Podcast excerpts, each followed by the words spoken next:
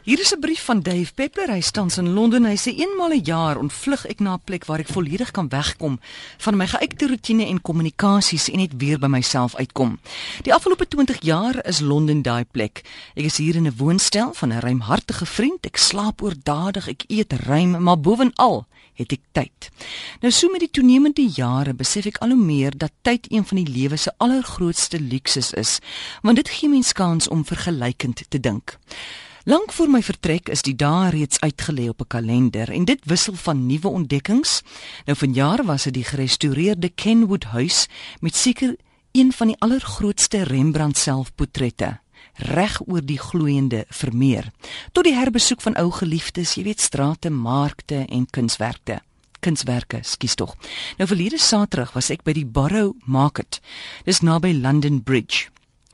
As kosmens sal jy eenvoudig die klits kwyt raak in hierdie hemelse mark wat reeds sedert die jaar 1014 bestaan. Nou soos ek deur die wonderlike geure en reuke gedwaal het, het 'n gewaarwording en besef by my pos gevat.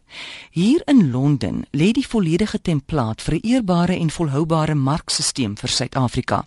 Kom ek vertel jou gou vinnig wat ek raak geloop het daar. 'n Sampioenstalletjie waar 'n plattelandse heer uit Kent en sy hond deur die week wilde sampioene versamel en dan op die mark aanbied. 'n Jong vrou wat 'n kudde melkbokke aanhou en die mees hemelse roomys van bokmelk maak. Ek glo my dood vir bokmelk, maar hierdie roomys was verruklik. Dan klein slagters wat met gloeiende trots hul vleisprodukte aanbied. Daar is fotos van hulle diere wat in regte weikampe loop, hoenders wat skrop op die werf en van varke beneveld van die lekker kry in egte modderbaddens. Dan is daar kaasmakers by die dosyne wat hul reuse wiele van tuisgemaakte kaas uitstal. Hemel weet amore as mens daarom weer 'n wiggie kaas uit so 'n wiel proe, besef jy opnuut hoe smaakloos en bovenal leweloos ons geprosesseerde vierkantige kaasblokkies is. Bakkers. Oh, die vloerbrode, aartappelsuurdeeg, gevlegte soetbrode, loogbroodjies, almal met die merk van die bakker se hand daaraan. Nou waarby wil ek uitkom? Goed, ek merk met kommer dat die besigheidsmodel in Suid-Afrika al hoe meer wegskuif van die klein produsent na die superprodusent.